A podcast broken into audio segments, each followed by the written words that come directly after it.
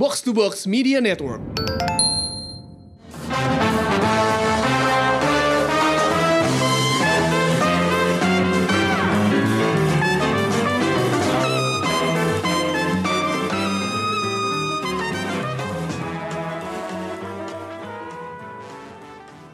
Hai hai pendengar Showbox, jumpa lagi dengan gue Lisa. Dan gue Amy. Jadi kali ini kita bakal ngobrolin dua TV series yang bisa lo tonton di Mola TV. Yang pertama ada Schitt's Creek, ini tuh udah ada sekitar 5 season di Mola TV. Uh, terus nextnya apa Amy? Kita akan ngebahas Romulus. Hmm. Itu serial. Udah berapa season? Itu baru satu season, serialnya hmm. unik banget karena di dimainkan dan dialognya itu dalam bahasa uh, Latin kuno. Jadi bahkan bukan Latin Buset. yang bukan Latin yang sering kita dengar ya, bukan kayak carpe diem yeah. gitu, bukan, tapi Waduh, bentuk Latin yang uh, lebih uh, lebih lama lagi gitu. Bukan ini ya, bukan Loren Ipsum ya. Uh, bukan Loren Ipsum. Ipsum. iya, jadi ini uh, serial produksi Itali udah produksinya di Itali terus udah gitu produsernya memutuskan untuk pakai bahasa Latin kuno gitu. Hmm. kurang apa lagi coba?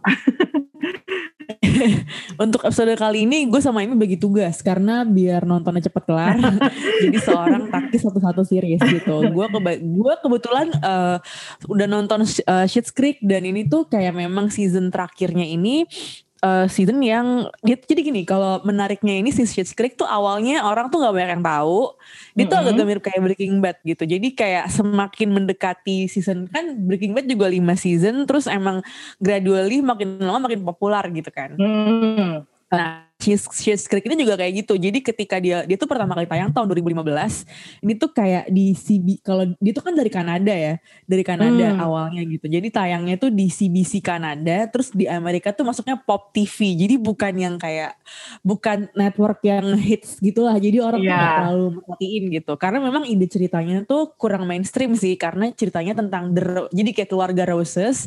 Mereka ini kayak awalnya tuh tajir mampus yang bener-bener pokoknya tajir banget deh yang rumahnya tuh udah kayak istana, udah kayak museum, udah bukan istana lagi kayak museum yang yang langit-langitnya tuh di dilukisin kayak gitu-gitu ya pokoknya kayak kayak rumah orang orang kerajaan zaman dulu gitu. Nah, terus mereka bangkrut karena ada uh, anggota keluarga. Pokoknya ada orang finance yang kayak sold them out. Akhirnya kayak pajaknya nggak dibayar apa gimana. Akhirnya disita sama pemerintah gitu deh. Nah pokoknya gitu deh. Tapi sebelum gue lebih lanjut nih ngebahas Shit's Creek. Uh, mending kita dengerin dulu deh trailer dari series yang satu ini.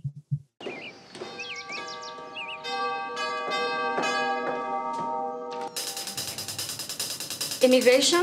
Revenue. There are people here from the government. Baby, it's crazy. People are just like taking our stuff. Leave your finances to me, said son of a bitch. There's a very small amount set aside for you, and one asset the government has allowed you to retain. The kids. The children are dependents, Moira. You bought a small town in 1991. I bought that as a joke for my son. You can live there for next to nothing until you get back on your feet.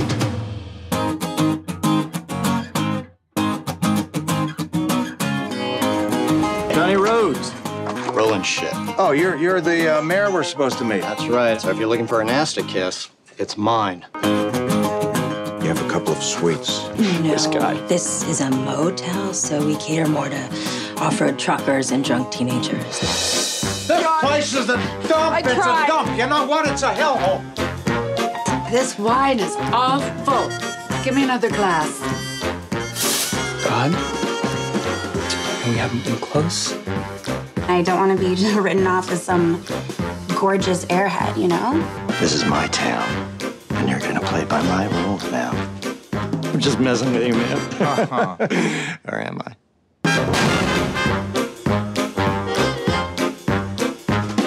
Johnny Rose, my wife Moira. Hi. Oh, I love your complexion.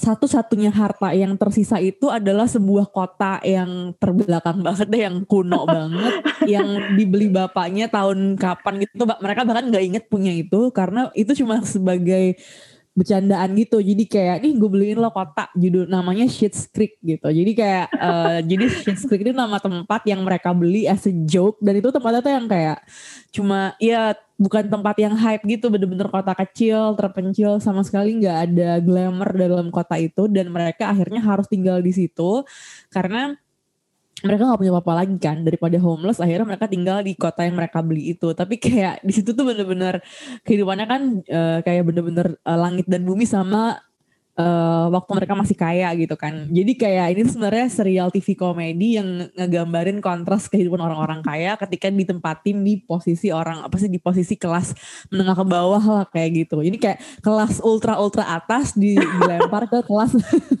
nah beneran kayak kalau kelas atas tuh kan ya lo tuh pak jet apa ini tuh bener-bener yang kayak ultra ultranya gitu loh yang kayak emang digambarkan sebenarnya yang powerful banget lah keluarganya ini gitu. Akhirnya mereka kayak harus uh, melarat lah gitu. Cuman ya itu karena bener-bener nggak pernah jadi orang susah uh, kebayang lah nih jadi tuh yang main si Eugene Le uh, Levy jadi bapaknya namanya Johnny istrinya diperanin sama Catherine O'Hara jadi Moira namanya. Dia mereka punya anak dua namanya David sama Alexis gitu. Jadi yang David itu diperankan oleh Daniel Levy Paliva ya Amanda ya Uh, Jadi kan uh, Riva ya bapak anak bapak anak nih. Jadi cuman yang uh, menurut gue mencuri perhatian banget tuh si Annie Murphy-nya ini dan emang kayaknya dia tuh baru terkenal gara-gara jadi Alexis di uh, Schitt's Creek gitu. Jadi kakak ade ini cowok cewek gitu.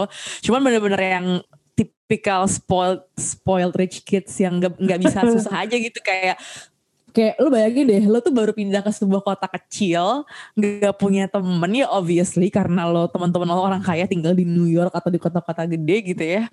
Terus yang kayak ah David but I just wanna party. Kayak gitu yang tipe-tipe anak-anak kayak gitu orang-orang kaya yang harus uh, bersenang-senang kayak gitu-gitu. Jadi kayak emang ini kayak making fun of that kind of lifestyle but at the same time kayak ada uh, apa ya ada kepintarannya juga gitu yang ditawarkan di dalam dialog-dialognya gitu. Walaupun di awal-awal tuh masih agak-agak wow kayak masih nggak beraturan gitu kan. Tapi lama-lama tuh kayak mulai kerasa nih, mulai kerasa uh, arahannya tuh mulai kerasa. Dan katanya sih memang Eugene eh, Levi-nya itu awalnya tuh dia kayak nulis apa segala macam. Terus uh, lama-lama diserahin ke anaknya gitu. Jadi kayak mungkin kerasa lebih fresh kali ya. Karena kayak uh, lama-lama tuh kontras antara kayak gaya mereka yang flamboyan sama orang-orang orang-orang kota kecil ini yang masih pragmatis banget gitu itu kayak makin ngejual uh, identitas si ini sebagai sebuah TV komedi gitu. Dan dan kalau gue sih ngerasa jarang banget ya kayak lo tuh punya TV komedi yang emang beneran bikin lo ketawa dan singkat hmm. dan menghibur gitu loh. Kayak hmm. gue tuh kayaknya kalau lagi uh, sedih atau lagi apa gitu kayaknya cuma nyari friends. Lagi-lagi friends lagi-lagi friends gitu kan. Kayak uh, mungkin dulu tuh ada modern family ya tapi lama-lama tuh gue capek sama karakternya. Siapa tuh What's the name, the lady? oh, uh, gue juga lupa namanya yeah, siapa. What's her name? Pokoknya gue lama-lama kayak, aduh gue capek dengan karakter dia nih gak berubah-berubah gitu. Kayak growth-nya gak ada bagaimana gue gak ngerti. Um, ya itu, tapi yang gue, ini Shit's Creek nih karena dia pendek-pendek ya dan um, menurut gue cukup kompak lah buat lo nikmatin di saat-saat yang senggang gitu nggak bukan tipe series yang emang menyedot energi lo banget gitu loh kayak emang hmm. it's just a fun comedy yang kalau lo udah capek at the end of the day just wanna chill and watch and ketawa-ketawa gitu itu cocok sih menurut gue si Shit's Creek ini kayak dan karena emang kayak uh, apa ya escape escape banget gitu. Karena kan kalau misalnya lo nonton yang kayak drama gitu kan itu kan bisa kadang-kadang emotionally draining. Apalagi kalau misteri kadang-kadang lo malah stres takut gitu kan. Hmm, jadi hmm, kalau hmm. ini tuh emang uh, menarik sih buat gue karena nggak ada villainnya nih bener-bener apa ya uh, menarik aja sih karena ya lucu-lucuan. Dan dan yang yang seru itu adalah makin lama makin bagus gitu yang menurut gue unik ya. Karena uh, itu paling gue temuin di Breaking ada nggak sih TV series yang lo inget makin lama tuh makin bagus gitu? Nggak nggak lo makin kecewa gitu? Ya justru makin lama biasanya TV series tuh makin drop gitu. Ya uh, uh, kan gue, gue juga ngerasa kayak gitu. Iya memang. Kalau ini Tapi tuh masih kayak gue penasaran hmm. deh ini kan hmm. obscure banget ya judulnya Shit's Creek. Gue bahkan gue bahkan nggak tahu ada serial ini sampai kalau nggak salah waktu itu dia uh, dapat nominasi Emmy Awards gitu. Yes. Terus uh, lo tahu dari mana coba tentang serial ini? Jadi gue tuh kayak uh, ada VPN. Awalnya hmm. tuh ada di Netflix Amerika. Oh, gitu. oke, dan, dan oke. ini tuh gue tuh tertarik karena durasinya pendek-pendek kan. Gue bilang, oh oke, this is something that I can go on board with kalau misalnya it doesn't take more than half an hour Ah, gitu oke, kayak oke. kayak ah boleh lah gue coba. Terus sekali dua kali, gue tuh beberapa kali ngeliat eh gifnya dia itu di Twitter apa di mana ya di Twitter deh kalau salah gitu jadi kayak ini apa sih kok kayaknya menarik dengan reaksi-reaksinya yang very sassy very kayak lucu aja gitu kan menarik Oh, perhatian oke, gue oke. Dan, eh, Sid dan Levi-nya kan di sini bener-bener yang flamboyan banget gitu kan. Jadi gue yang kayak oh I like this kayak karakter kayak gini gue suka gitu. Terus ya udah terus gue mulai nonton dan dan ternyata ring maksudnya ya itu tadi gue bilang ringan, compact, menghibur. Jadi kayak ah iya why not gitu kan. Di antara series-series yang berat dan dramatis itu eh, ini sih buat gue seger ketika gue nonton sekali dua kali gue oh ya I like this gitu.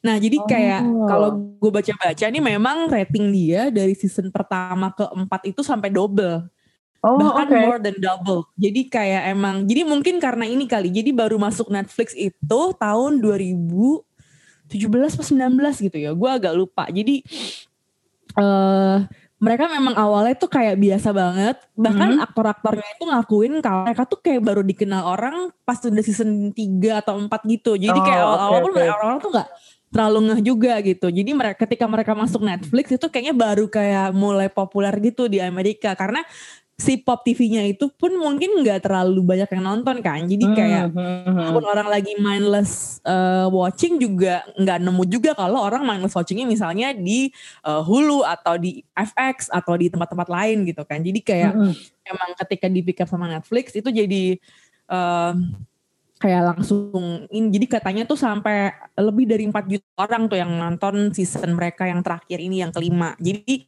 uh, Oh. begitu mereka umumin tahun tahun 2019 ya mereka umumin oh yaudah nih season kelima ini yang terakhir gitu. Nah, terus baru mereka dapat nominasi tuh buat Best TV Comedy. I think buat si Eugene Levi-nya juga sebagai Hmm, aktor hmm, gitu. hmm. Jadi kayak emang uh, pengakuan itu datangnya emang belakangan tapi gue gue malah seneng sih kayak gitu karena kayak ya itu membuktikan kalau orang tuh bisa lebih baik kan bikin bikin TV series tuh. Karena Iya. kalau di industri yang sangat demanding kayak gini kadang tuh alasannya dibuat-buat supaya TV series tuh panjang dan ada terus gitu. Jadi kayak Iya.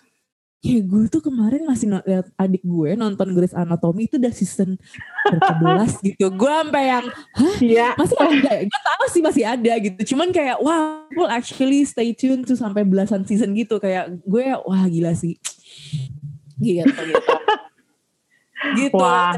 gue tentang Schitt's Creek. Jadi kayak kalau lo mau nonton yang ringan menghibur eh, kalau gue sih ketawa-ketawa ya. Karena emang karakternya David sama Alex nih emang konyol banget gitu. Kalau orang tuanya ya udahlah gitu kan. They're just like rich boomers lah mau lo apain lagi gitu kan. Tapi kayak kayak trying so hard to fit into the town tapi kan orang-orang tak orang-orang kotanya yang emang pragmatis dan kan nggak ngerti dunia mereka gitu kan jadi kayak ya emang kayak clueless rich kids aja sih jadi kayak ya once in a while it's nice to watch them kayak Oke, menarik banget Oh. sih. Iya, jadi kayak kalau butuh tontonan yang ringan-ringan boleh sih nonton Schitt's Creek. eh terus gimana Romulus? Romulus cerita dong. Waduh, kalau Romulus sih ikannya banget ya. Kalau lu nyari Hmm. yang dark and agak-agak depressing ya nontonnya Romulus kalau menurut gue. Oh ya, sebelum kita lanjut ke ceritanya tentang Romulus nih, gue pengen ngajakin lo semua untuk dengerin trailernya Romulus. Siete la destra e la sinistra, non dovrete separarvi mai.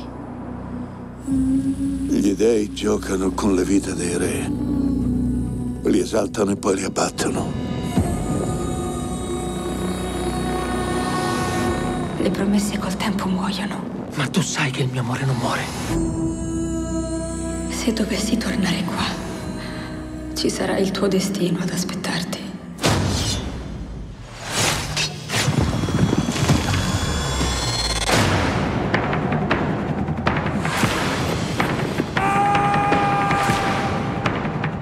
Io non voglio la pace! Giustizia è ciò che voglio.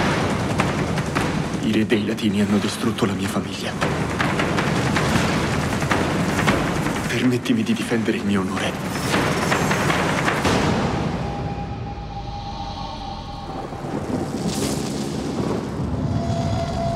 Liberati dalla paura. Dimostra che sei parte del branco.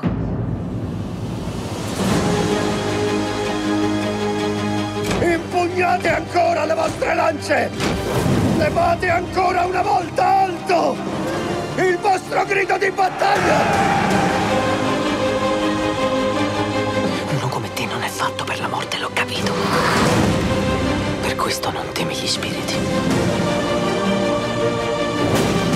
Un giorno anche noi avremo una città e vivremo liberi dalla paura. Si chiamerà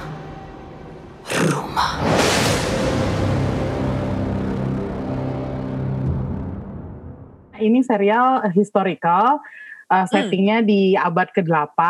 Bayangin aja tuh, abad apa uh, 8 se- sebelum Masehi ya. Jadi bahkan belum uh, belum sampai birth of Christ. Karena kita tahu uh, apa namanya uh, set- uh, Christ itu kan lahir setelah uh, sudah ada Roman Empire gitu. Ini bahkan Roman Empire aja belum ada gitu karena kotanya Oke. sendiri si Roma ini belum uh, didirikan. Jadi Romulus itu memang menceritakan legenda kelahiran kota Roma. Yang kita Ah, tahu, oke. yang kita tahu kan sebenarnya itu ada mitologinya ya. Ada uh, Iya. sepasang anak kembar Romus sama Romulus dibesarkan oleh uh, a mother wolf gitu. Mereka subvert terus mereka bikin mitologi sendiri gitu. Jadi uh, di apa namanya dataran Italia zaman dulu itu uh, sebelum apa sebelum kota Roma lahir ada kerajaan namanya Alba. Alba ini Hmm. adalah the- disebut land of uh, kings karena ada 30 uh, suku masing-masing punya rajanya sendiri-sendiri. Terus ada ke hikingnya, hikingnya ini namanya Numitor. Si Numitor ini dianggap sebagai raja Alba. Nah, terus tapi ada kemarau panjang. Kalau orang zaman dulu kemarau panjang itu harus manggil kayak eh, apa namanya dukun gitu ya. Terus udah gitu mereka bikin Syam gitu ya, syaman. Iya, ya? syaman. Terus udah gitu mereka bikin ritual. Eh, dari ritual itu diputuskan bahwa ini yang yang salah nih rajanya nih si Numitor. Jadi dia harus diasingkan. Kalau dia pergi baru hujan turun. Nah, Oh, Nah, si Numitornya udah pergi, dia ninggalin kerajaan ini ke dua cucunya, anak kembar, namanya Iya. Enitos sama Yemos kalau nggak salah. Hmm. Jadi eh, dua dua eh, dua laki-laki Emang kembar namanya ini aja udah banget ya cuy. Iya, itu bahkan kalau menurut gue namanya agak-agak masih Greek-Greek gitu ya, masih Hmm. Greek influence gitu. Nah, terus ternyata eh, si Numitor ini punya eh, adik namanya Amulius yang eh, dibisikin sama istrinya yang agak-agak emang bici dan witchy gitu. iya, Jadi eh, si Amulius ini me- apa berstrategi gimana caranya dia bisa naik tahta. Dia bunuh si apa keponakan-keponakannya ini. Tapi yang satu berhasil kabur, sementara yang Hmm. satu eh, di di apa namanya dimakamkan lah istilahnya. Ya. Nah, waktu si cucunya yang satu ini kabur, yang namanya Yemos, itu udah kabur ke sebuah hutan, hutannya hutan belantara rimba gede banget, yang kayak Hmm. nggak ada ujungnya gitu. Nah, terus udah gitu si Yemos ini ketemu sama eh, sekelompok apa ya, kayak the young men, they're slaves but not really. Gue agak kurang paham mereka sebenarnya dari suku apa, tapi eh, dia ketemu sama this like one guy namanya Wiros. Nah, Yemos sama Wiros mereka menjalin semacam brotherhood. Jadi akan-akan Wiros tuh menghentikan menggantikan kakaknya Yemos yang dibunuh sama pamannya itu. Nah, dari situ tuh mereka mulai membangun kekuatan gimana caranya mereka bisa merebut eh, Alba, kerajaan Alba sampai supaya akhirnya eh, pen- yang naik tahta adalah yaitu cucunya si Numitor ini gitu. Ini tuh kayak, jadi gue sempet nonton episode pertamanya nih. Emang ini tuh kayak fantasi gitu kan? Iya, tapi low fantasy Iya kan? banget sih kalau menurut gue.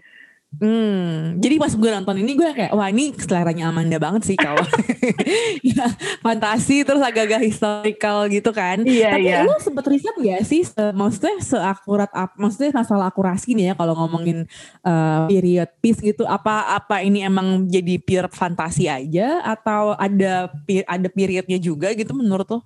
Kalau menurut gue ini nggak nggak pure fantasy ya karena setelah gue baca-baca karena jujur aja ya meskipun gue pernah kuliah di Itali, gue nggak pernah mempelajari uh, sejarah uh, kerajaan Romawi. Gue tuh nggak pernah sampai ke abad yang awal-awal gitu. Gue hanya uh, gue hanya tahu sejarah Itali uh, sejak uh, Perang Dunia Pertama. Intinya gitu. Udah modern, maksudnya dunia ini udah kayak modern gitu iya, ya? udah modern. udah modern. Jadi terus udah gitu gue gue ngecek nih, gue kayak ini ini bener apa enggak sih kayak gini gitu. Iya, Sama iya. Gue Iya gue tahu Amanda nih tipe penonton yang dikit-dikit tuh ngecek gitu. Pak. Makanya gue penasaran nih pasti lo menemukan sesuatu. Iya, jadi gue gue pertanyaan gue adalah ini serial namanya Romulus, tapi kagak ada satupun yang namanya Romulus atau Romulus. Kan gue Oh, bingung. lo, ya, lo nyari ya, lo nyari, Nyari, ya. nyari, Kayak, karena kenapa gue- namanya ini gitu. Iya, kenapa namanya harus Yemos, kenapa namanya Wiros, dan kenapa eh, dan gue pengen tahu apa mereka benar-benar dibesarkan oleh eh, si Mother Wolf itu, si serigala yang Hmm. kalau nggak salah di legenda itu namanya lupa. Nah terus udah gitu gue eh, jadi gue ngecek-ngecek nih, terus dari pertama kali ngecek aja, gue gue baru tahu bahwa memang ada kerajaan yang namanya kerajaan Alba. Terus udah gitu, eh, udah gitu ada eh, satu kumpulan kerajaan namanya Latin League. Jadi dia itu eh, memang terus udah gitu di sini ada karakter namanya eh, Ilia. Ilia ini pendeta cewek dari eh, kuil eh, dewi yang namanya Vesta. Vesta itu kalau di eh, Greek mythology itu Hestia. Jadi penjaga api rumah tangga gitu. Nah, biasanya pen, eh, pendet apa eh, priestess dari eh, Temple of Vesta atau kuil Vesta ini mereka adalah eh, perawan dan mereka nggak boleh melakukan hubungan seksual sampai eh, mereka selesai menyelesaikan tugas mereka gitu. Dan ini eh, ini gue tahu memang ada di secara historical memang ada. Dan di sini kebetulan karakter yang namanya Ilya ini menjadi eh, ex priestess uh, Quill Vesta yang terus akhirnya dia embark on a tale of revenge karena sebenarnya dia sama uh, apa namanya si saudaranya Yemos yang meninggal itu mereka jatuh cinta dan dia nggak terima kalau pacarnya nih uh, dibunuh sama adiknya sendiri padahal yang ngebunuh bukan uh, adiknya melainkan pamannya dan pamannya ini ternyata adalah bapaknya si Ilya gitu loh jadi terus udah gitu gue Rada-rada kayak- Game of Thrones juga ya? Iya, rada-rada Game of Thrones. drama pertumpahan darah gitu, antar keluarga gitu ya kan. Nah ini dia menurut gue salah Hmm. satu uh, apa namanya kelebihan dari Romulus ini sejak pertama kali gue denger serial ini ada uh, ini tuh adalah um, mengingatkan gue sama dua acara HBO yang lain which is Rome sama Game of Thrones. Kalau lu suka sama apa namanya uh, cerita-cerita Sword and Sandals uh, kayak bangsanya apa sih uh, apa namanya Clash of the Titans gitu. Kalau menurut gue ini tuh jauh lebih kompeten. Like dibikinnya tuh dengan lebih apa ya, dengan lebih passionate daripada uh, major studio production Oh, gitu? yang glossy Serius loh? dan iya. Karena kalau menurut gue mereka pakai research, bayangin aja uh, si produsernya yang juga sutradaranya yaitu Matteo Rovere itu tuh bilang uh, kita mm, nggak merasa bahwa pakai bahasa uh, Inggris tuh tepat karena kalau kita nonton serial-serial serupa kayak misalnya dia sepertinya uh, mereferensikan Rome di HBO. Dia bilang katanya kalau kita nonton serial-serial yang tentang uh, kekaisaran Romawi itu biasanya orang-orang ngomongnya pakai uh, British English, British accent.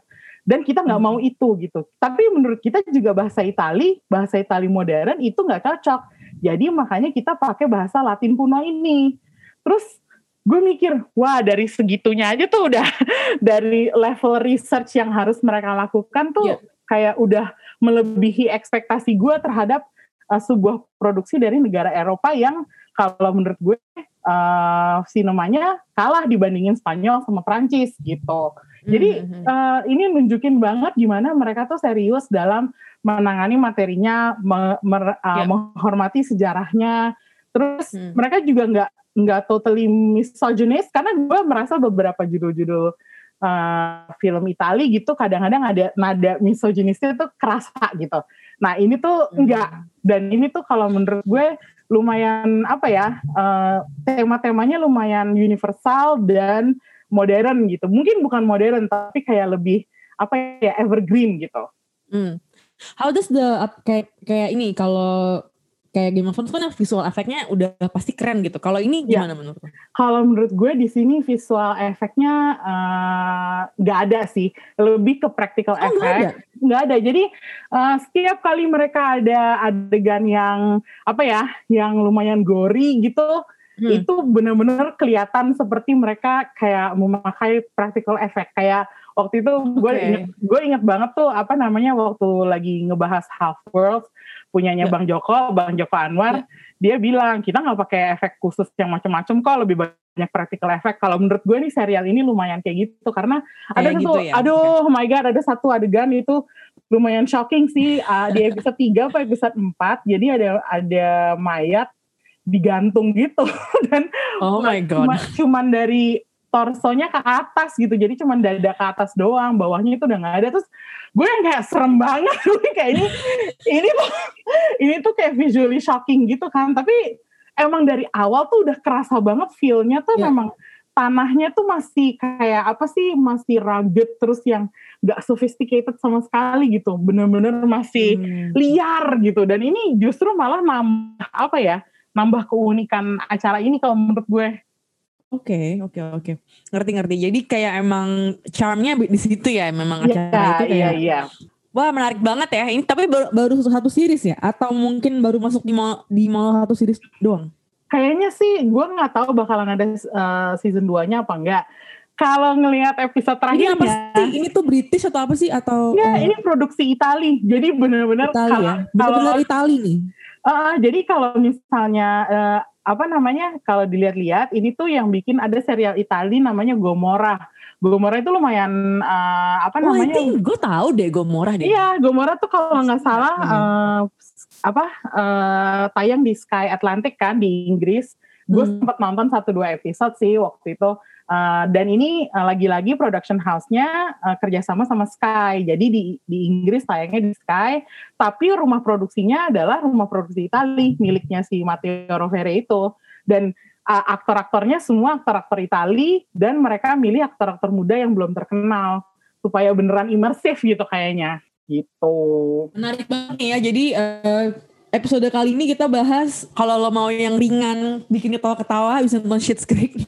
kalau suka yang eh, drama, eh, ah, fantasi dan mungkin ada historisnya dikit tapi mungkin dikit ya Amy ya. Jadi kayak mungkin sebagai backdrop ya nggak sih backgroundnya Iya, backdrop. gitu kan. Ro- Romus Romulus gitu cuman mungkin mostly fantasi gitu ya itu bisa nonton Romulus dua-duanya udah ada di Mola TV Ya. gitu eh itu aja kali ya pembahasan kita kali ini Yap. thank you banget udah dengerin Showbox minggu ini sampai jumpa minggu depan bye bye Bye.